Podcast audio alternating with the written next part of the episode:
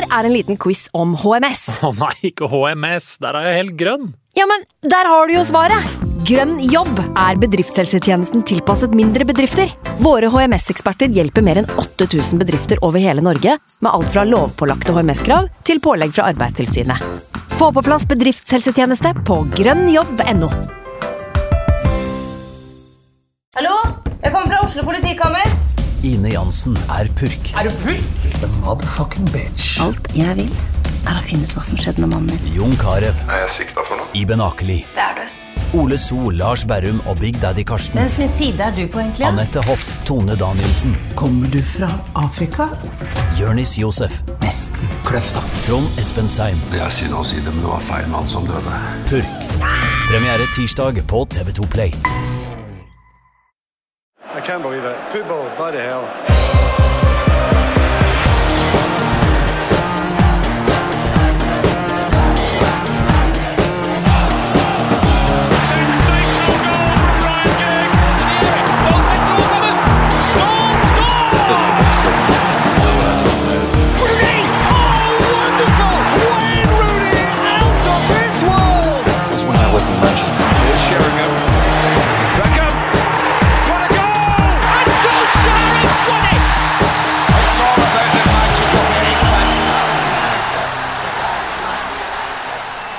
Velkommen til en ny episode av United We podcast. Jeg heter eh, Ken Vasenus Nilsen. I dag så har jeg fått med meg Sebastian Brynestad. Hallo, Sebastian. Hallo, hallo.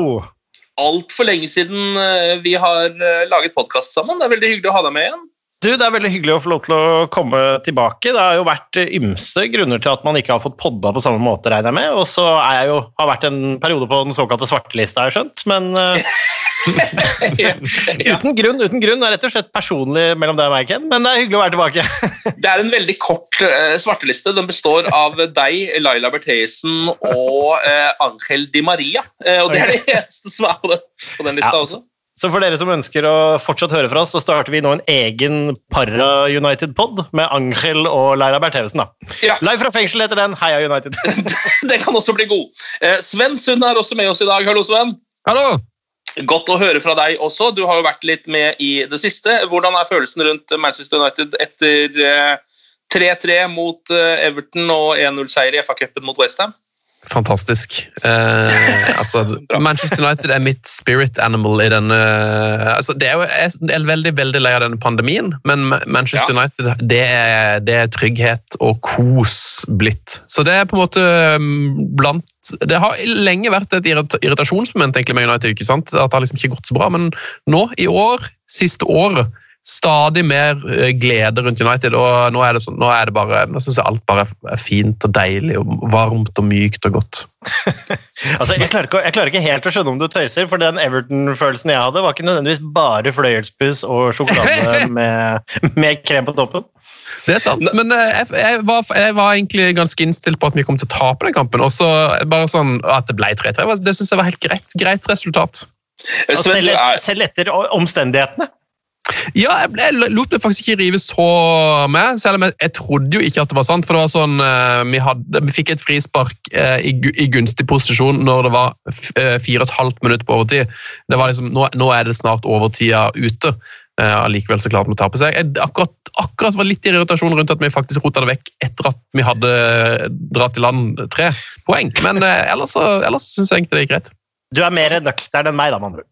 Ja, for Hvis ikke så tror jeg ikke du hadde vært, kunne kalt deg Manchester United-supporter, Sven, hvis du ikke ble revet med at de mister, mister seieren fem minutter på overtid etter masse rør på hjemmebane mot Everton. Men jeg visste Eh, at det kom til å skje. Ja, men vi leda 2-0! Hvordan er det Ja, du visste at det skulle skje? Jeg husker jo 4-4-kampen fra 2012, eller når det var. Når Tony Hibbert hadde to assist og Jelavic putta Det ble 4-4. Det var sånn Det her var mye mer chill kamp enn det. Det var, det var mye mer forventa enn en den gang. Så det var vel noe med det. Altså, Jeg vet ikke hva legen har skrevet ut der for at du skal takle karantenedagene, men jeg ønsker å kjøpe litt av det. er det samme. Men eh, du, Sven har jo et poeng Seb, med at det er vel litt ekstra viktig liksom, at eh, Manchester United har eh, en god sesong akkurat nå. Hvis, altså, tenk deg hvis vi hadde hatt en eh, Mourinho og Moyes-aktig eh, sesong nå. Det hadde vært tungt. Ja, det er, det er sant det, altså. Og man kan jo ikke altså sånn Alt i alt så er ikke 3-3 mot Everton et resultat som man nødvendigvis hadde hata hvis kampen hadde krevd det, men etter 2-0, og at du leder etter over, på over overtid, og du har utspark med DG, og du ikke klarer å vinne den kampen, da blir jeg litt muggen. Men det, det satt til side, så vil jeg jo si at det stedet vi er på nå, hvordan klubben ser ut, hvordan den drives, og resultatene som kommer inn, og turneringene som vi strengt tatt er med i FA-cupen og sånn, så er det jo klart det at uh, vi er jo litt foran skjema også, rett og slett. Prosjekt Solskjær er vi ikke Føles ikke litt ut som vi er et helt år foran da? Jo, To- hva tenker du Sånn? så? Jo, jeg To tenker år, jo eh, at, det, at vi skulle ligge på tabelltopp eh, på, på noe tidspunkt denne sesongen her, det hadde, det hadde jeg ikke kalkulert med i mine villeste fantasier. Så jeg har liksom mål å liksom kanskje komme seg til Champions League og, så, og bare ha en ryddig sesong, få liksom begynne å bygge et lag fra bunnen. Og at vi plutselig er, er regna som tittelutfordrere og, kan ende foran Liverpool. og eh, at liksom det er et, velfungerende lag som kan vinne 9-0 plutselig og sånn, eh, og slå, slå rekorder plutselig og sånt. Det er jo helt, eh, nei, det er jo helt rått. Eh, og jeg satt og tenkte på liksom, Når eh, van Dijk kom til Liverpool og Liverpool plutselig ble verdens beste lag, så, var, så sa alle sånn ah, van Dijk var bare den lille brikken som mangla. Og det har jeg begynt å tenke med United òg. liksom, Jeg liker det laget her veldig veldig godt, og kanskje, kanskje det bare er en liten brikke som mangler til at plutselig liksom United skal slå ut i full blomst og bli eh, Liverpool, hvis du skjønner hva jeg mener. Ja, og satt kanskje altså Vi mangler jo høyreside, jo, altså høyrekant og litt dekning for Bisaka når han har litt dupp. Eh, Men jeg vil jo si det at kanskje fremtiden satt på benken mot Westham der. En liten Diallo, en, en sneak som har vist seg fra gode sider. Eh, Det er, det er spennende, men, men jeg tror vel det at eh, et sommervindu nå, hvor vi får plukka inn det vi trenger, så begynner det jo å lukte contenders. Det gjør jo det. Men jeg tenker kanskje at ikke vi trenger så forbaska mange. for sånn som, eh, Nå var det vel noe skriveri om at eh, kanskje United ikke kom til å by på Sancho fordi at man hadde sånn tenkt at Mason Greenwood er god nok.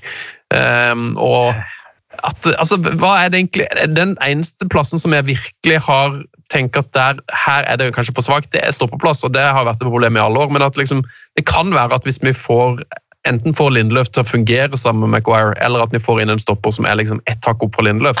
Altså, at vi er i mål, at dette her laget er Ja. godt nok. Nå høres det ut som styre, nå høres det ut som et styremøte hos Arsenal her. Vi har det vi trenger. Eh, Men eh, kan, kan, altså det må jeg bare si høyrekant. Altså jeg er enig med deg at Mason kanskje, kanskje, men Mason også har jo spisstakter. Og skal jo kanskje liksom også bli en striker, eh, tenker jo jeg, da.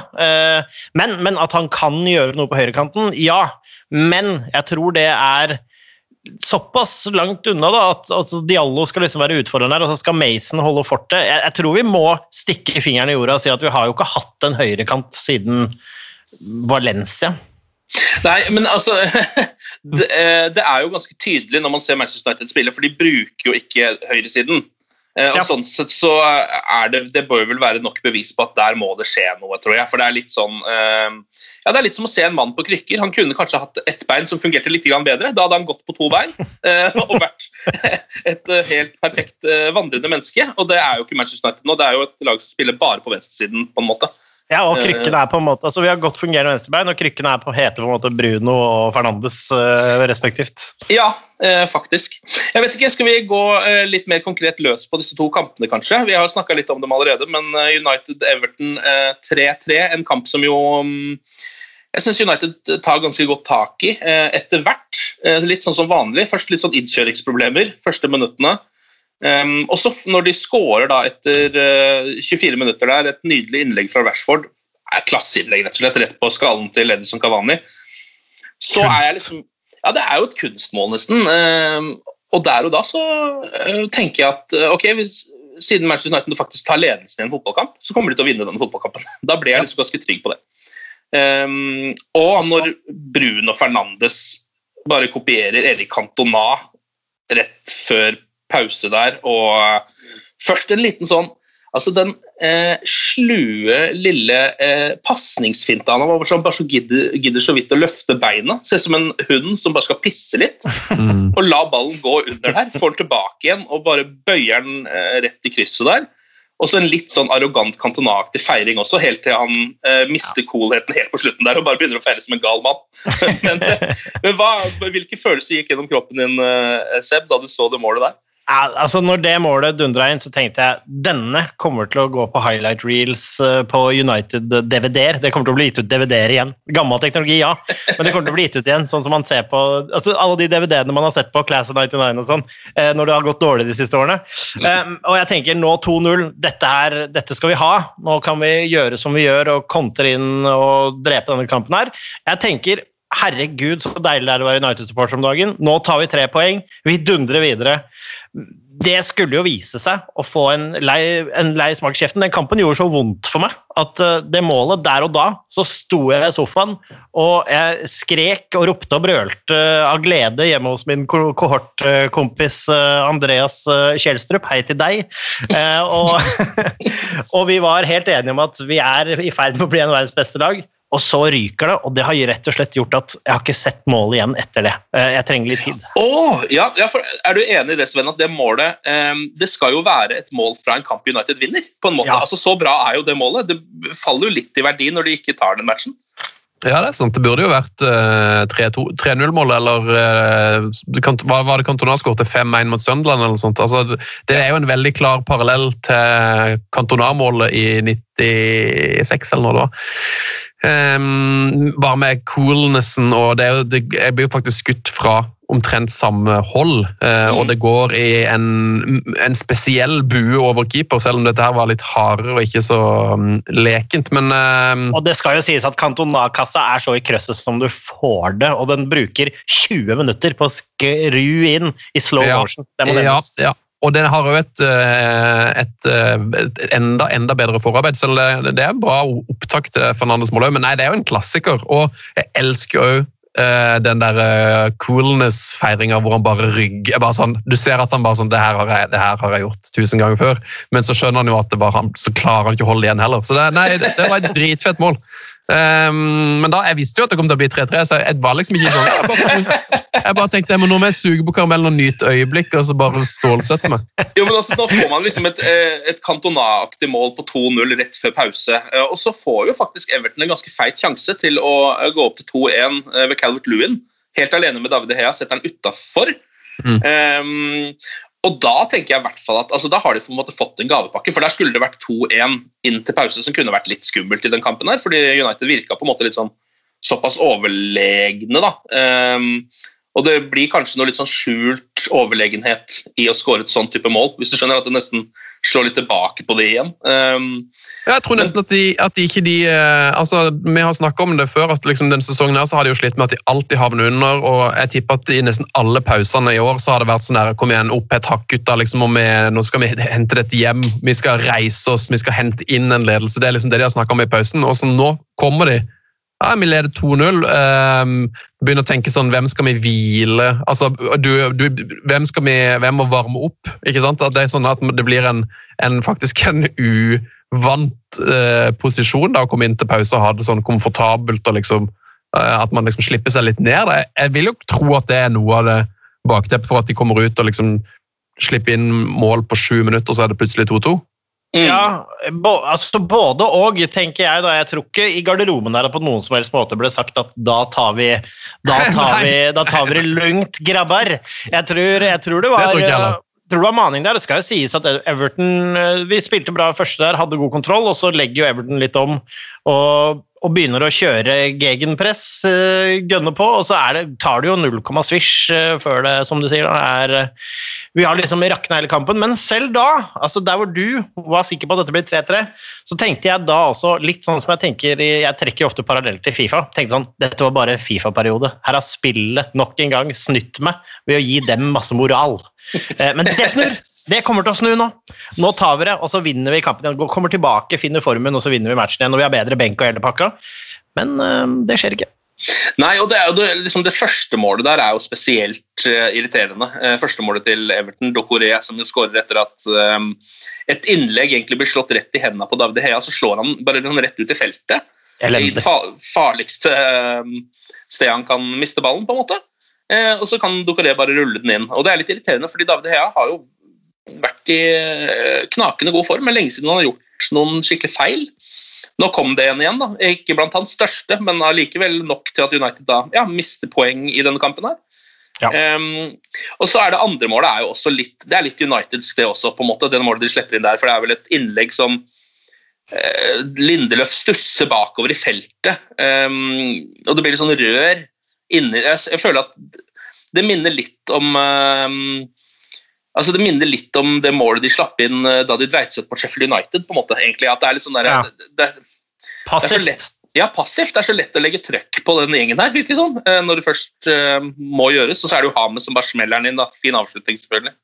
Det er der man savner liksom, altså det, det jeg savner litt i den kampen, her, det er altså der hvor Loffen er alternativet, altså Lindløf er eh, alternativet der. så det, Jeg føler at hvis han og Maguire spiller sammen så, da, da det, Jeg savner liksom Erik Bailly. Jeg savner den der, altså Der trenger du en som kommer i hodehøyde sidelengs og saksesparker ballen ut. Så Vi trenger Erik Bailly. Eller liksom altså, Han har begynt å skli på midtbanen og kommer liksom inn i et forrykende tempo med knottene først og klarerer. altså Man trenger en bikkje som bare banker den ut.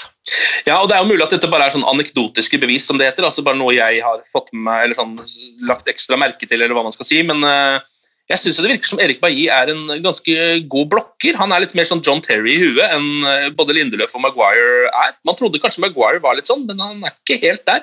Han er ikke altså det... seg inn i dueller og blokker skudd og har eh, bein høyt og lavt, på en måte. Problem, problem, altså Der er jo Maguire bedre enn Bailly, for han er, han er god i posisjonsspillet, syns jeg. Altså han, han, han er litt mer sånn han er, litt, han er litt der, så han trenger liksom ikke. Altså Hvis han Ja. havner bakpå, så er det kjørt uansett. Mens Ja. det finnes ikke en tapt ball for Erik Bailly. Altså, det, det er det som er litt med, med, med Erik. Altså, det er på godt og vondt. Når det flyter for Erik, så er jo han verdens beste stopper, spør du meg. Men så kan det jo gå så alvorlig gærent, også med den mannen, selvfølgelig. Men, men jeg, jeg merker at den matchen der, andre omgangen, så tror jeg han istedenfor Lindeløf, da, så tror jeg faktisk ikke vi hadde sluppet inn eh, Eller det er umulig å si, men du skjønner Ja. hva jeg mener. Ja, jeg skjønner hva du mener. Det kunne da det hadde vært litt mer eh, ja, intensitet inni boksen der. Ja, ja Eh, ikke sant? og på 2-1 også, at ikke liksom da det våkner litt, syns jeg også er rart. At det blir enda en sånn slumser. Ja, eh, og da blir det jo på en måte litt sånn, da har United rota bort matchen litt eh, og må begynne å jage igjen og få seg et mål. Og, akkurat der og da så syns jeg ikke de skaper så kjempemange sjanser, så jeg får en litt sånn dårlig følelse. Mm. Eh, Men når du da først scorer, og det er jo da nok en gang Luke Shaw og Hva er det som har skjedd med Luke Shaw, Sven? Har du noen god forklaring på det? Hvorfor er han plutselig blitt eh, ja, Hvem er det som har såpass mange eh, assist? da? Eh, Alexander Arnold i fjor, liksom? Ja, jeg tror jo at Solskjær har skjedd, da, og at han har fått en utfordrer i Alex Telles. Men det kan jo ikke ha vært noe gøy å være Luke Shaw i Manchester United. For han var god litt når han kom til klubben, og så hadde han en forferdelig skade. Og så etter det så har, altså, han ble jo latterliggjort. Han ble jo sånn eh, altså, Det var mobbing, mer eller mindre, det Mourinho drev på med, med Luke Mm. Shaw. liksom. Eh, og han har vært en hoggestab og en fyr som liksom ikke folk har hatt eh, noe troa på. Og det virker jo som det som Solskjær eh, gjør da, med alle, veldig mange spillerne sine, er at han er jo eh, han styrer ikke med frykt, men han er kompis, liksom. Så at, eh, jeg vil jo tro at det er tillit, selvtillit, og òg at han har faktisk for første gang på veldig lang tid har vært liksom skadefri og rett og slett kommet seg i form. Så det er vel en kombinasjon. Så litt Solskjær og, og, og litt fysisk eh, form som har gjort at han endelig har funnet tilbake til den spilleren som vi trodde vi kjøpte for mange år siden. Ja, Ja. Altså, det, var, det var tydelig å se, altså, bare for å knagge det, det Jeg tror det der satt utrolig hardt i huet på, på Shaw. Han har vel gått langt ut i å antyde det selv også, har han ikke det? da? At jo. det var altså, å bli latterliggjort altså Bokstavelig talt latterliggjort av manageren sin, hengt ut med navn av Mourinho, som totalt mista det i motgang. Jeg gleder meg til å følge med Tottenham videre, forresten. Ja, ja, men, ja. men, men, men, men å se da, å se da gode, godeste Luke Shaw så han, han gikk jo opp i vekt, og han, det var så mye rart med ham. Og, han- og så gikk han plutselig ned i vekt helt sykelig mye her en periode for å matche det. Vi husker jo alle det der, og den sommeren jeg husker ikke hvilken det var, hvor det kom sånn 'Dette er Luke Shaw', og han veide 40 kilo, hvis du Ja. husker det. Det var Britney-sommeren hans. Ja, hvor, ja. bare, hvor han hvor han tok en- hår og ja, eh, viste fram underlivet ut fra men, men, nå, men nå er han liksom tilbake til altså Han ser ut som Luke Shaw igjen. Han har fått litt uh, fått den der eh, litt sånn strenge strenge attityden tilbake i intervjuer. Laget tør å snakke fordi han har vært god i flere sammenhengende kamper. Altså Selvtilliten hans er tilbake. Jeg tror det er så enkelt som det. At Solskjær har klart, som du sier, og med liksom Hør her, Luke. Nå, først skal du få en klem. Det er det lenge som du har fått. Og så gråt de sammen. De gråt sammen i et par timer. Solskjær blir lett rørt. Og så etter det så har det bare vært fremover. Og så kom Telles og ga han litt utfordring også, og det er oppskriften på det som nå er Er det ikke ligaens beste venstrebekk, da? Det er i hvert fall eh, helt akkurat nå eh, så er han jo det sånn rent formmessig. Eh, må han jo nesten være, for nå har han jo hatt flere assists eh, i det siste. og det må jo ha altså jeg vet ikke om Det, det som jeg synes er litt fascinerende, er at han har jo plutselig begynt å by på det som vi trodde Alex Telles ble kjøpt for å gjøre. Altså venstrefoten hans har jo plutselig blitt eh, han, Ikke bare slår han veldig gode cornere, og sånn som det frisparket han slo til McTominay eh, som skårte mot Everton. Han eh, har jo også begynt å liksom, treffe på alle innleggene sine, eh, og de ser rett og slett bare mye bedre ut enn det de har gjort før. Han må Ja. ha stått igjen og øvd nesten, tenker jeg. Og så, ja, og så skal det jo sies at den måten vi spiller på nå, med å liksom flokke inn i midten der med tre-fire mann, og åpne opp da, så vi får liksom litt rom for vingene våre, og bruke de så de får komme inn, både Bisaka og Shaw. De ser jo mye bedre ut, fordi vi spiller på en måte nå hvor vi bruker de. Og på riktig måte. Det er ikke sånn at de hver gang de kommer opp, så møter de tre mann i blokka. på en måte.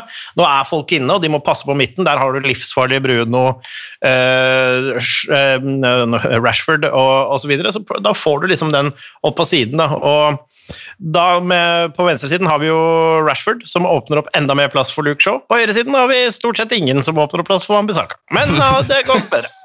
men det, det, Men, det men eh, det er jo et veldig godt poeng at uh, jeg tror jo Edison Cavani har kommet inn i det laget her og altså, gjort noe med spill. At han er utrolig bevegelig. Da. Han, er, gjør liksom, han går på løp hele tida og, liksom, og har, scorer han er en fyr som scorer på innlegg, eh, i motsetning til det kanskje Martial har vært. Da. At det er jo liksom gjøre det lettere Det er lett å skylde på at eh, du får dårlig, at Luke Shaw legger dårlig innlegg, men eh, det er jo, det er jo en toveiskommunikasjon. altså Det er jo en, noen som skal stå og ta imot de òg. Du, du kan, det ser ut som du slår dårlig innlegg hvis det er ingen som løper etter innleggene dine, men Kavani jager jo alt som kommer og, og gjør liksom det beste ut av det. så det, Jeg tror jo Kavani òg har vært en faktor for at Luke Shaw har blitt bedre. Eh, Og òg det med at eh, som, Selv om nå har vi kritisert Lindeløf eh, omtrent hver eneste runde i denne podkasten, men det, Solskjær har òg for første gang på mange år satt en firer baki der. Det er liksom det er Lindeløf og Maguire, Luke Shaw og Van Bissaka. De fire er liksom A-laget. Og Hvis vi har en topp da, så starter de fire. Og Det tror jeg er viktig for Luke Shaw. da, at han, han har alltid Det er liksom han og Maguire, de har, de har venstresida. Liksom, de spiller sammen. Det, det gjør jo noe med hele liksom, trygghetsfølelsen og relasjonene og alt det i hele laget. At du liksom Ok, jeg er på hjemmebane. Da, da er det lettere å være god i fotball. da. Ja, helt klart. helt klart. Og det er, det, er, eh, det er jo deilig å se nå, altså å vite hva et altså Skal du sette opp et toppa United nå, så vet du hva den elveren er. Uh, mer eller mindre, da. Og det er, altså, det er jo noen spørsmål på midtbanen der og sånn, men, men, men det, det, det, føles, eh, det føles jo ut som en ny vår. Og så kan man jo diskutere til Foglandet kommer hjem om Lindeløf er god nok. Jeg vil jo si noen ganger er han god nok, noen ganger er han det ikke gjennom en hel sesong så syns jeg ikke han er god nok, foreløpig i hvert fall, til å være et uh, førstevalg. Og da uh, kan man jo begynne å si at det lukter litt skuespiller av loffen, må jeg bare si. Mm. Ja, Han skal få litt skryt for at uh, han har jo noen tidvis glimrende langpasninger. eh, Som åpner opp ganske bra, og som er noe Manchester United trenger, siden de har så mye fart på topp. og Bare slå den over, få Rashford og gutta til å løpe inn i bakrommet der. Der treffer jo Lindeløf faktisk ganske ofte. Um, så det er han noe bra på. Han er jo liksom en, egentlig en sånn god offensiv stopper, men kanskje ikke så trygg defensivt. Eh, og det er, jo, ja, det er jo en avveining, det òg, for Manchester United trenger jo kanskje oftere en god offensiv stopper, faktisk. En, en god defensiv stopper, sånn som ja, banespillet ofte ser ut. Bortsett fra andre omgang mot Everton, da, selvfølgelig. Hvor det hadde vært Ja. med en, en helt rå defensiv en. da. Ja, for der tar man jo altså da ledelsen i det 70. minutt igjen eh, på en dødball. Det var det som måtte til. Em, og da er det sånn at eh, ja, mesterlag vinner da den kampen. Selv om de har driti seg ut, så har de da på en måte fått akkurat nok til å stikke av med seieren. Sånn blir det jo ikke, men sånn burde det vært. Fordi em, ja, Vi mangler den ene brikken. ja, kanskje, og jeg tror også akkurat her så er det noe med mentaliteten og kynismen også i Manchester United eh, som ikke mm, ligner på det den var eh, under The Golden Days. fordi mm, når du har ballen eh, Det er fire minutter på overtid, og det er lagt til fire, men Solskjær har gjort et bytte, som vi også kan diskutere. Han setter inn Tuan Sebe for Greenwood for å unngå at det skal skje, at Everton skårer. Men det som jo da skjer, er at i en periode hvor Manchester United egentlig har kontroll på ballen og har ballen, så gjør han bytte som gjør at det blir tillagt mer tid. Som faktisk er det som gjør at Everton rekker å skåre i det hele tatt. Ja. Vi vet jo ikke hva som hadde skjedd hvis, hadde, hvis han ikke hadde gjort det byttet, selvfølgelig. Men eh, jeg, er skeptisk, jeg, jeg er alltid skeptisk til de byttene. Jeg skjønner ikke hvorfor de blir gjort, faktisk. Fordi en kamp ligger liksom, Denne kampen hadde vært slutt lenge før det hadde blitt eh, skjedd noe mer hvis han ikke hadde gjort det. da. Så logisk Ja, og- føler jeg at det er. Ja, og jeg synes, at, jeg synes at gang på gang Det er jo midt i mitt eh, i, i, i, Altså, Jeg skal ikke prøve å på, påberope meg noe bedre fotballhode enn Solskjær og teamet rundt ham, men jeg synes at det konsekvent gjøres bytte for seint i kamper. Jeg synes liksom, altså Der hvor vi lar ofte andre lag gjøre byttene sine, og de får ofte altså Ikke alltid, men mer enn ofte uttelling for byttene de gjør.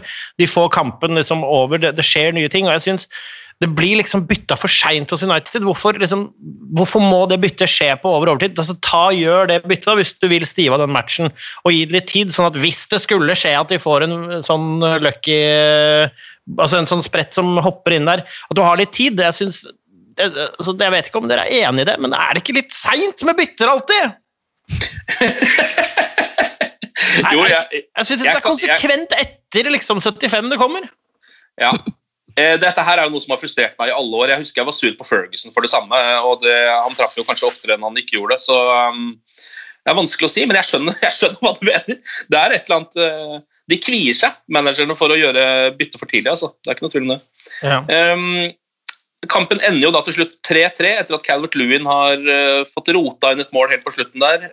Um, alle Manchester United-spillerne prøver bare å se bort på linjedommerne eller dommeren og se om det er noe var å ta på her. og Det er jo sånn typisk situasjon hvor det fort kan være 100 hands og to offside, men det var ikke det.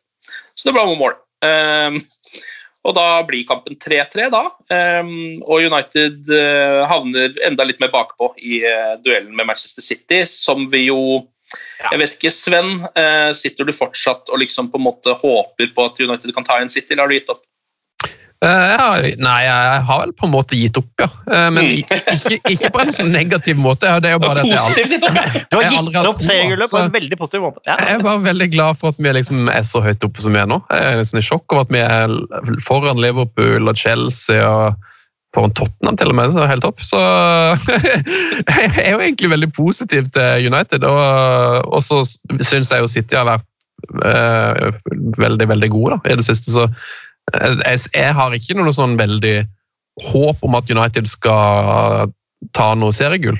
Eh, Nei. kan jeg. Jeg, jeg tror vi også, så lenge financial, eh, financial fair play ikke gjelder, sånn som vi fikk se da City ikke ble dømt etter å ha forbrutt seg mot financial fair play etter alle alle kunstens regler og var altså, dømt altså Alle visste at nå ryker Champions League, og dette kommer til å endelig financial fair play, og så fins ikke det lenger. Så jeg tror nok den virkeligheten vi har, så lenge vi har Shei- Sheikh Mansour i City og, i hvert fall, og Pep Guardiola og hele den greia der altså Det er jo at det er vanskelig for andre lag å kjempe i lengden. Så, så jeg tror det blir litt sånn som Pool. Jeg tror de kommer til å ligge der og ta gullene sine, kjøpe seg gull etter gull, eh, og bare stacke på med selvfølgelig bra fotball og hele den pakka som følger med med god manager og uendelige penger. Men jeg tror liksom at vi må bygge laget sånn som Pool gjorde, da, og tar det gullet. Og så er de for slitne, fordi de har ikke råd til to hele superelver og sånn som eh, City har. Og det tror jeg det blir litt det samme med United. At vi må treffe, og så kan vi kanskje vinne én, kanskje vi kan vinne to. Hvem vet om vi klarer å etablere oss på nivået. Men jeg tror virkeligheten vi må være vant til, er at City er alltid liksom favoritter til å være med og kjempe hvert eneste år, og så kommer det en og annen Askeladd og også andre klubbene og vinner et gull, antagelig. Uff, det høres ut som en uh, veldig trist framtid, men uh, det kan nok hende du kan ha rett i det. altså. Men ja. hva tenker du, hva tenker du eh, eller dere om uh, at Solskjær selv gikk ut og sa at nå er ikke United tittelutfordrer lenger? Um, Jeg tror det er, jeg tror, altså det, det er jo litt sånn typisk eh, manager å si. De snakker aldri om at de er, har sjanse på gull. Det er aldri sjanse på gull. Du kan lede med 17 poeng. Nei, vi tenker ikke på gullet. Nei. Gullet tenker vi ikke på. Men straks du liksom er fire, fem poeng, seks poeng, syv poeng bak, så er det sånn Det er ikke noe vits å snakke om gullet lenger. Vi er ute av den. Nå handler det om å få topp fire. Alt kan skje her. City kan rakne. Det er fotball. Sprøere ting jeg har sett. I fjor Liverpool så helt uslåelig ut, og i siste halvdelen når korona kom, så var det jo ikke spesielt imponerende. Men de klarte å klamre seg inn. Og vi er tettere der nå. Ikke sant? Sånn at ting kan jo skje, og vi har to innbyrdes oppgjør. Jeg tror ikke, jeg tror ikke City kommer til å gjøre rent bord resten av sesongen, men det er ikke umulig. Og, de, og Da er det jo bare opp til oss sjæl, da. Og så neste sesong igjen, da, så lenge man klarer å holde. Vi kommer mest sannsynlig til å miste Pogba osv. Um, klarer vi å finne en erstatter der, klarer vi å styrke laget på den måten vi skal, så det er mulig å bygge et lag som kan danse med City også, men da må man investere, da. Apropos Paul Pogba, så ble jo han eh, skada mot Everton eh, ganske tidlig i kampen. Måtte eh, forlate banen og er vel ute til slutten av februar, tidlig mars, så vidt jeg har skjønt, med en muskelskade. Han har jo vært bra, Sven, i det siste, egentlig? Ja, han har jo fått en skikkelig revival, så det var jo synd på sett og vis at han ble skada, men jeg er jo jeg er jo spent på å se om vi faktisk blir noe særlig svekka av det. da. At um, Ulempen med Pogba er at han krever jo veldig mye av, av liksom oppmerksomheten i, i, laget. og jeg synes jo at uh, De kampene hvor Pogba er god, så blir Bruno litt mer vekk. Mens at uh, når det er liksom et lag som er bygd rundt Bruno Fernandes da, uten Pogba, så tror jeg at det har mange fordeler, det òg. Så mm akkurat det at vi kanskje kommer til å miste Pogba til sommeren, og sånn, det, det, er faktisk ikke er den så veldig jeg ser, ikke, jeg ser, egentlig ikke så veldig mørkt på det. Jeg tror kanskje det kunne vært godt for uh, alle parter at han går videre til Real Madrid eller Juventus eller hvor han ønsker seg. Og, også, hvis han hadde levert, hvis han leverer uke til uke sånn som han faktisk har gjort nå, så, det, så er, han en, en United-spiller som jeg ønsker velkommen. Men jeg syns jo at det har, vært, det har vært så mye dill og dall med han, og det er liksom sånn jeg syns ikke, ikke, han har vært en lagspiller. Jeg syns ikke han har vært en bra representant for eh, det Manchester United jeg ønsker å se. Hvis du sammenligner han med f.eks. Rashford og Fernandes og altså, Scott McTominay, liksom. Ja. Scott McTominay altså, som er United-gutter. Så syns jeg som Pogba er på en måte symbolet på alt som har vært feil med United de siste årene sju-åtte årene. Så, altså det VM-gullet var jo VM, VM rent personlig for Pogba var sikkert det beste som kunne skje. han. Profesjonelt så gjorde det han til en slags gud og for Mino Raiola. Men hvis man liksom skiller Mino Raiola fra det hele, som ofte er katalysatoren til all dritten utenfor, da, som jeg mm. helt sikkert fucker opp mye for Pogba, for jeg tror Pogba er proff og hele den pakka der. og jeg tror, altså, Folk er nok glad i han i garderoben og hele pakka der, men, men problemet mitt med Pogba, hvis man eliminerer alt den den Raiola-greia og flørting med andre klubber og ufokus og Pogbans og klesmerker og fandens oldemor.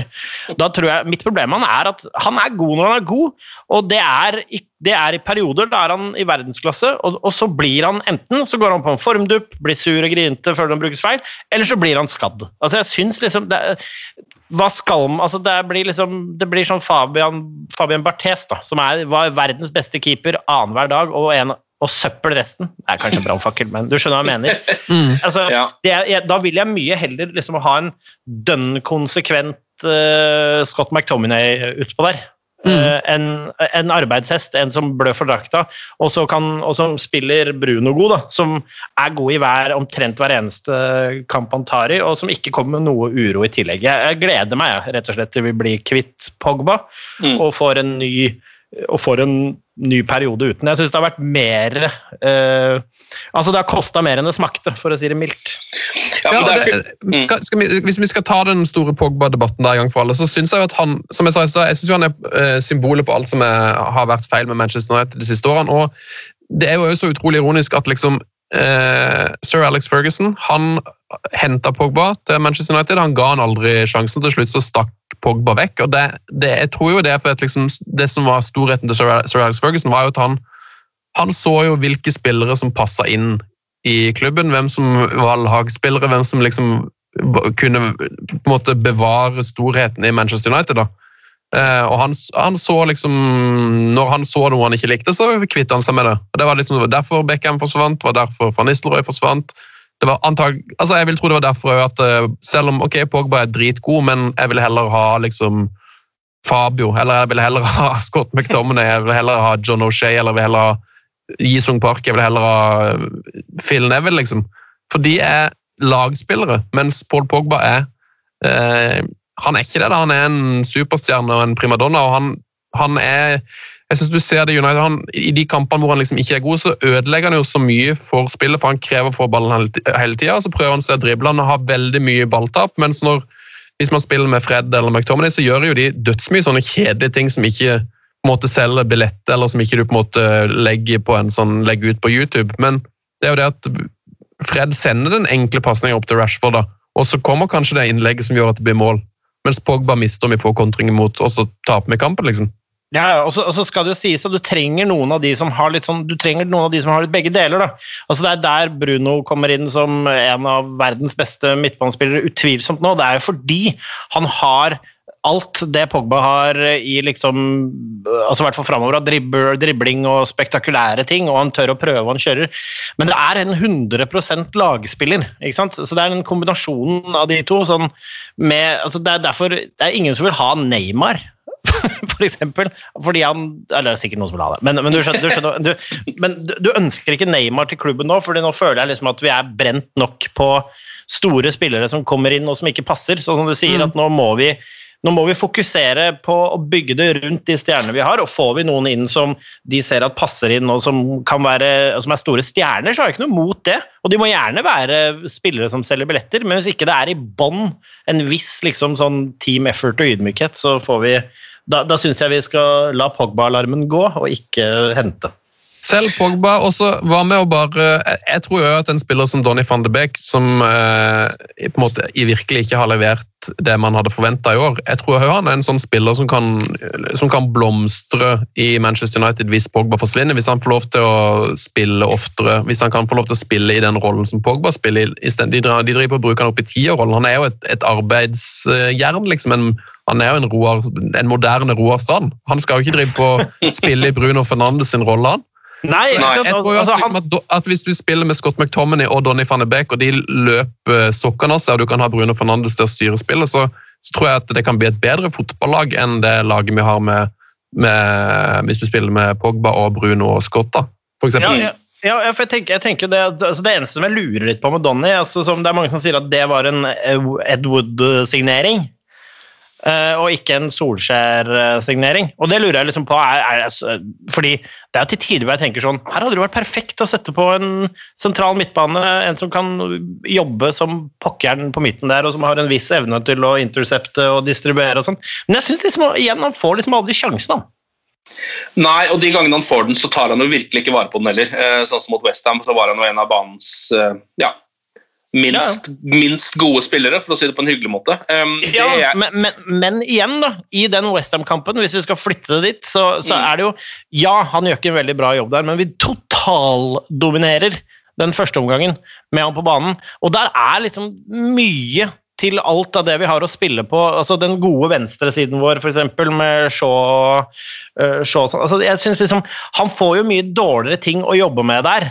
Og så, ja, han skal jo ta tak og løfte, og jeg gir han, ikke noe, gir han ikke noe godkjent i den kampen der i det hele tatt, men det finnes noen ting som gir han litt grann, uh, sympati også, da, i forhold til hvem som er utpå der, syns jeg. Ja da, det er jeg helt enig i. Han spiller jo på en måte Når United bruker reserveløsningen sin, så er jo han en del av det, på en måte. Så det er jo helt sant. Det jeg er litt redd for, er at uh, hvis Pogba forsvinner, da, er at det blir veldig mye belastning på Bruno Fernandes. At han da må nesten spille alt. For vi så jo det mot Westham f.eks.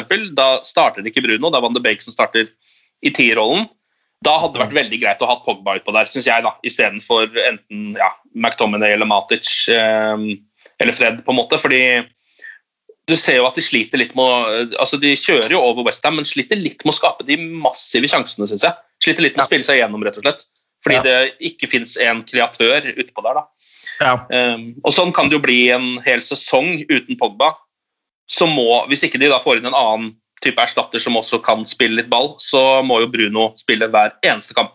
Og det liker sikkert han, men jeg er ikke sikker på om kroppen hans liker det så godt. Altså, Hva skjer med et United? da? Jeg bare tenkte jeg scenario da han står at vi faktisk er helt der oppe og nikker, og så får Bruno Fernandes en skade som setter han ut mm. i fem kamper. da. Altså, Mm. Vi er nødt til å tenke på det, fordi den, som du nevner også, da, at, eh, at eh, det, er jo ikke, det er jo ikke han som er tieren vår, tiererstatteren. Det, er det, det er han ikke. Altså van de Beek.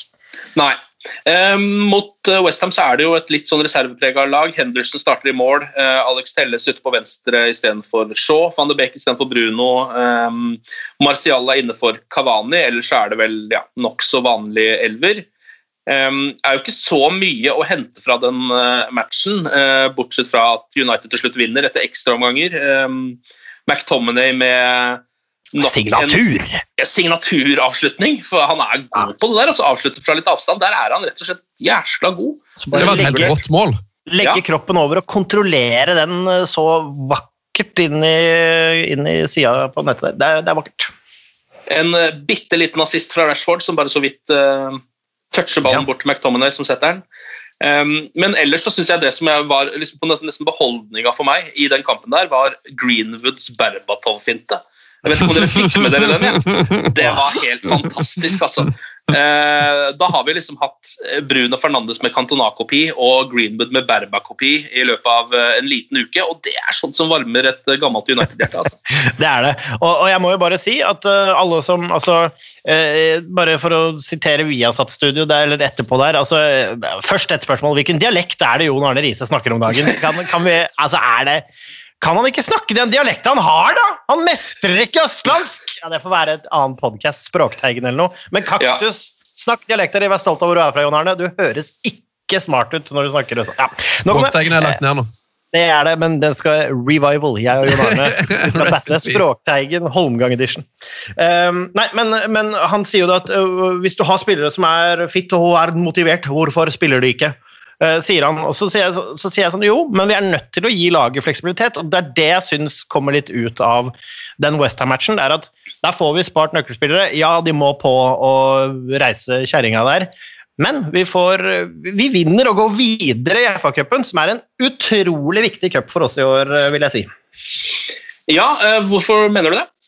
Hvorfor det? Altså, la meg se. Det er, det er jo en av de mest legendariske trofeene verden har sett innen sporten fotball, ønsker jeg å bruke som første argument. Eh, Det andre argumentet er jo at fotball handler jo til syvende og sist ikke om å kvalifisere seg til Champions League. Det handler om å løfte sølvtøy over hodene sine, sånn at jeg hjemme kan si 'ja da!' og ringe folk som heier på andre lag og si Um, det er fotball for meg. Uh, og den gleden man kjenner av å vinne noe. FA-cupen er ikke et Mikke Mus-trofé, sånn som ligacupen. Det er ikke en sånn second best-ting, sånn som Europaligaen. Det føyer seg i rekken av noe som kalles the treble. Og vinner man en av de, så er det faktisk en god sesong. Og hvis vi da både kvalifiserer oss til Champions League og vinner et FA-cuptrofé, så tror jeg det vil gi både fansen mye glede, og ikke minst laget selvtillit. Dere to, Yes. kjør debatt. Godt Veldig sagt! gode. Jeg bare, jeg bare hiver meg på eh, altså følgerlista her. Check, check, check på mange argumenter. Så eh, selvfølgelig skal vi vinne trofeet. Ja, eh, og nå er det da eh, klare for eh, kvartfinalen da, i eh, FA-cupen. Trekningen er vel i kveld, så vidt jeg har skjønt, så vi får ikke sett på det akkurat eh, nå. Men det burde jo være muligheter. Det har jo tynna seg ut, det heatet der også. Eh, så det er jo gode muligheter i FA-cupen. Kjenner jeg de Uniteds uh, universkarma i cuptrekninger, så trekker vi City, tenker jeg. Ja, det er jeg nesten 100% sikker på, jeg også. Ja. Um, ja. Så det da blir jo noe Ja. det blir jo noe dritt, men uh, det er bare sånn det er. Bare sånn det er det. Rett før, rett før go-time her så snakka jeg med gamle Hedemann, og jeg skulle hilse Mm. som eget for øvrig. Eh, han, han sa det at nå håper jeg bare så innmari at vi trekker Sheffield, så vi kan få en liten revansj der, og liksom få en Ja. lettere anførselstegn, liksom, eller noe som det går an å komme seg gjennom. da. Men da kontret jeg med det jeg gjør her, at du vet jo like godt som at det er City, og det ble var vi alle enige om. Ja, det blir City. Det, vi kan egentlig bare skrive under på det, alle sammen. Uh, United skal møte City i kvarten i FA-cupen. Um, ellers litt sånn, eh, Det er ikke så mye rykter og nyheter å ta med seg, men eh, en spiller som jeg vet at du er ganske fascinert av, Sven, som har fått seg kontrakt for, på A-laget nå, Shola Shortire. Rått navn. Shola Shortire, for en mann. Er er det et ekte navn, eller er det kunstnernavn, eller Ja, det, det er veldig vanskelig å si. Det er i hvert fall et perfekt fotballnavn, vil jeg si. Det høres ut som en spiller som kommer til å få en ganske god karriere. Um, når jeg bare ser på navnet. Jeg har ikke sett han eh, spille noe sånn særlig. Jeg vet ikke om det er noen av dere som har sett noen av de kampene? Jeg har Nei, sett altså, eh, fire, minutter, fire minutter på YouTube, og det var ja, Det var faktisk ikke sånn superimponerende, men eh, sånn er det ofte på YouTube. ja, ok. Ja, men, men, han er, men, men han er jo Jeg har sett noen, sånne, jeg har sett noen videoer av han og litt sånn diverse som lekker gjennom fra ting og tang av uh, noen finter og litt sånn forskjellig. Altså, det er jo, han er jo på en måte Jaden altså, Folk som sier at vi kan glemme at kanskje han kan få oss til å glemme Jaden Sancho og hele den greia der. Da, for han er jo et supertalent. Han er 17 år gammel bare. Mm. Og er vel nå allerede tatt opp for å trene med A-laget og har en connection med Mabry. Og, altså, det er jo spennende ting som brygger inne på, inne på kottet på, på Carrington her nå. Jeg syns det er dritspennende med liksom Diallo, Shola Shortire, Mabry uh, Hvem andre er jeg glemmer nå av de spennende? spennende? yeah. ja. Nei, det var vel eh, Det var vel, det var vel toppheatet. Ja, det er toppheatet. Det som er, det, det som er både problemet og fordelen med disse talentene, er at liksom de, eh, uansett hvor gode de er, så blir de jo spådd en fantastisk framtid. Så det er jo sånn, om det her er en ny Mason Greenwood, eller om det er en ny Angel Gomez eller en ny Tai Chong, er jo sånn Mm. veldig, vans veldig vanskelig å si. De, de har super, alle disse har hatt eh, kjempepotensial, og så får vi nesten bare vente og se. Men eh, altså, navnet er jo helt der oppe, da. Shola Shortire. eh, Han unner jo suksess. Du hører at det er jo, som, det er jo Hvis du hadde vært liksom skrevet eh, for Boeing, så hadde jo du skrevet inn Shola Shortire som en giftig målskårer på motstanderlag, liksom. Ja. Det, han hadde sannsynligvis spilt for Everpool eller Liverton, eh, som jo var de to lagene i Det hadde han. Ev eventuelt så kunne han også vært en veldig god spiller for Gåseby, hvis det var Donald-universet. Ja, ikke sant? Der ser du det. Der, der, altså, men jeg tenker jo som så også med Mabry, da, som er en som uh, har fulgt litt mer med på, men som også er svært spennende, så er det sånn at Fellaini ikke var noen suksess. Det er liksom én sveis som gikk gærent. At ikke godeste Hva het den? Du, du nevnte han i stad. Tai Chong. han. Ja, Tai Chong. At den sveisen også gikk litt dundas. Men nå er det en ny sveis i byen, gutter. Og den, jeg har en så god følelse på den sveisen der. Når du ser han uh, peise på de, den connection de gutta har der i U23-kamper og for B-lag og sånn, altså det er, uh, det er uh, Det der er spennende. Jeg, jeg har skikkelig trua jeg på Mabry og på Shola Shortire. Merk deg mine ord. Jeg calla Scott McTominay. Jeg caller både Mabry og Shola Shortire. Den første av de som jeg, ja. problemet er at jeg caller Angel Gomez, så liksom Så ingen Ja. trenger å høre på deg. Du er jo Altså, han calla jeg aldri. Hadde aldri calla. Eh, Den første som får sjansen av de gutta her, er sannsynligvis Amad Diallo, vil jeg nesten tro. Eh, Vi får se om han er med borte mot eh, West Brom allerede på søndag. Det spørs vel kanskje, men eh, Jeg tipper Det- begge de guttene får, får debuten i løpet av sesongen.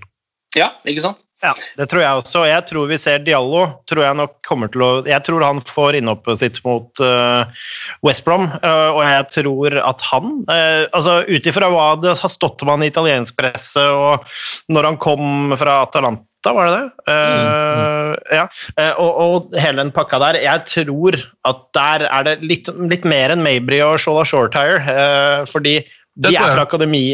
De er litt sånn fra akademiet, og vi vet godt hvem de er, og de er på sin, sin reise. Mens han her er henta inn til et lag som mangler høyrekant, og som uh, er et um, gigantisk talent. Det har liksom Det har litt sånn Rashford, eh, Greenwood uh, skrevet over seg. Mm.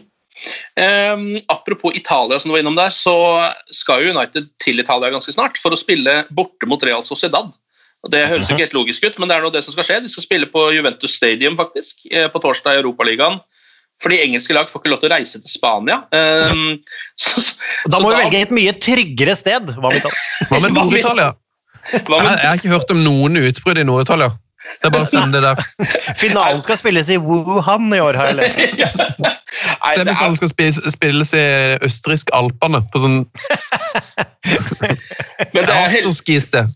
Det er jo til fordel for Manchester United, da, som får spilt én hjemmekamp og én kamp på nøytral bane. Jeg synes Det høres veldig rart ut, men eh, vi tar det vi får, vi. Um, så det blir jo veldig spennende. Real Sociedad er jo i, er, har jo et bra lag i år. Um, David Silva inni der, og det, ja, det ser eh, ganske bra ut. Det er jo det vanskeligste laget de kunne møtt, nesten, i eh, Europaligaen.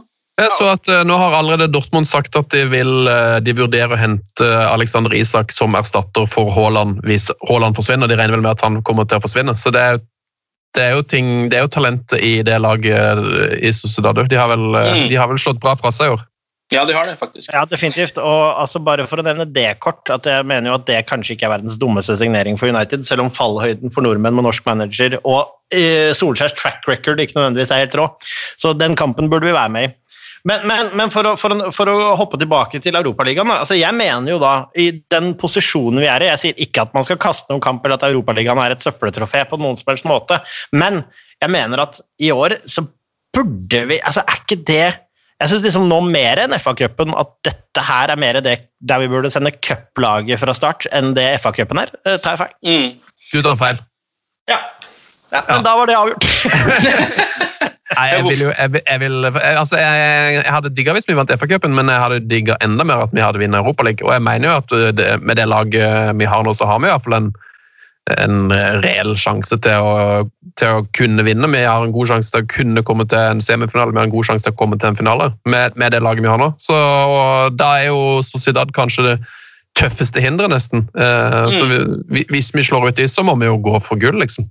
Ja, altså, Misforstå meg rett. Altså, jeg, når vi tok finalen mot Ajax der altså, Europaligaen er morsom å vinne den. Det er ikke noe, det er ikke noe tøys, men Du kommer ikke til å sitte på den, du kommer ikke til å sitte på den podkasten her og hylle Solskjær for at han sendte B-laget til Sociedad hvis vi rykker ut, og si sånn Jeg skjønner at han eh, tok inn eh, Brandon Williams og Daniel James fra da, start der. kom, da kommer jeg til å fatte meg, kommer til å fatte meg selv og si vi får se, da, vet du. Fordi hvis vi da tar igjen City og vinner FA-cupen, så, så får pipa en annen låt. Ja, ja, det er sant. Ja, men det, jeg synes det er så vanskelig å si med Europaligaen. fordi det er, jeg bare husker jo selv at altså, En av grunnene til at jeg ble Manchester United-supporter, var jo cupvinnercupen. Eh, da de spilte den finalen i helhvitt der Mark Hughes drev og skåret mot Barcelona og noe greier. eh, på nitt, tidlig, tidlig 90-tall. Og det er jo liksom, ja, det var vel det. Um, og da er det jo liksom eh, altså Jeg vet ikke hvordan det er med unge folk nå, men eh, det kan jo godt hende de har det samme synet på liksom Europaligaen. At det har en litt høyere standing enn det vi litt plasserte Manchester United-supportere kanskje tenker. Ja. Unge, folk nå, unge folk nå tror jeg bare heier på spillere, har jeg forstått. Ja, Ja. Det, er det, du- det er det du gjør nå, ja. De heier på De heier på? Neymar og Braut. Faen, så jævlig rart og 100 000 prosent uforståelig at de ikke har tilhørighet til et annet land de aldri har bodd i, og en spesifikk by i England. Hva er det med unge Hva er det som feiler det? En spesifikk arbeiderklasseby i England, nord i England! Det, er det. Hva mener du at du ikke bryr deg om hvem Shortashordatatan er? ja, nei, men altså, jeg, skjønner, jeg skjønner jo det, men det, altså, det, er jo den, det, er jo, det, er jo, det er jo forståelig det at du blir Man blir jo farget inn av en spiller inn mot et lag, og jeg tror nok det er mange av de unge i dag som ikke hopper klubb heller. Det tror jeg. Det, altså, Ja da, ja da, ja da. Det var da Solskjær som lokket meg inn i United også, skal ikke ljuge på det. Nei, ikke sant. Ja, men nå har vi plapra altfor lenge allerede, gutter, eh, og det har vært eh, veldig hyggelig. eh, Men nå må vi sette strek. Er det noe dere vil si før vi sier glory, glory?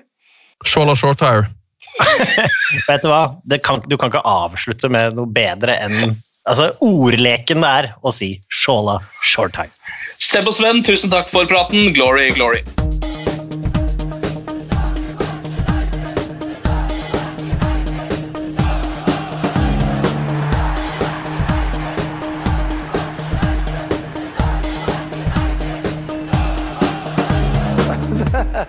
Oh, it's true. I've seen many things. Moderne media. Ukens annonsør det er matkasseleverandøren Hello Fresh.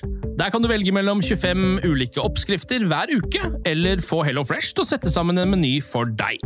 Jeg sparer tid på å handle, oppskriftene er veldig enkle å lage, og så får jeg akkurat det jeg trenger da, til hver eneste rett, så jeg slipper å kaste så mye mat som jeg vanligvis gjør. Det er også litt deilig å faktisk slippe å gå på butikken, ikke bare fordi det er tidkrevende og sånn, men fordi man ender opp med å kjøpe så mye greier som man egentlig ikke trenger, sånn som fire poser eh, Smash og en kick med havsalt, eksempel. Det er ikke det du egentlig er der for, du er der for å kjøpe, kjøpe middag. Så det er en veldig eh, kjekk ting. I tillegg så er det jo eh, ferdigporsjonerte ingredienser, det blir mindre matsvinn, og du betaler bare for det du faktisk trenger, og det du faktisk da spiser. I tillegg så blir det da levert på døra. Eh, til et fastsatt tidspunkt, sånn at du kan få det akkurat når det passer for deg eh, sjæl. Hvis HelloFresh høres ut som noe for deg, så har jeg en rabattkode du kan bruke også. Gå inn på hellofresh.no og bruk koden HelloUnited24. HelloUnited i ett ord, også 24, og få opptil 1779 kroner i rabatt på de fem første matkassene dine hvis du ikke har prøvd HelloFresh ennå. Du kan også bruke koden hvis du tidligere har vært kunde, men har stoppa abonnementet ditt for tolv måneder siden eller mer. Det er ingen bindingstid, og du kan pause eller avslutte abonnementet ditt akkurat når du selv måtte ønske. Husk koden Hello United24, og bon appétit! Ukens annonsør er Folio, en smartere banktjeneste for deg som har en egen bedrift eller ønsker å starte for deg selv. Folio er en superenkel nettbank for bedrifter. Som kunde i Folio får du en bedriftskonto med et bedriftskort og app. I denne appen er det smarte løsninger som forenkler regnskapet ditt, uansett om du har en liten bedrift eller et enkeltpersonsforetak. Folio er både intuitivt og brukervennlig, og er laget med et enkelt språk. I tillegg tilbyr de forutsigbare priser og ingen skjulte gebyrer. Skulle du likevel trenge det, så kan du snakke med deres raske og hyggelige kundeservice, og der får du prate med en faktisk person og ikke en chatbot. Folio er med andre ord både enklere og koseligere enn banken. Over 10 000 bedrifter har allerede valgt Folio som sin banktjeneste, så besøk folio.no og se hvordan Folio kan forenkle din hverdag også. Har du et enkeltpersonforetak eller en liten bedrift? Da er du sikkert lei av å høre meg snakke om hvor enkelt det er med kvitteringer og bilag i fiken, så vi gir oss her, vi. Fordi vi liker enkelt. Fiken superenkelt regnskap.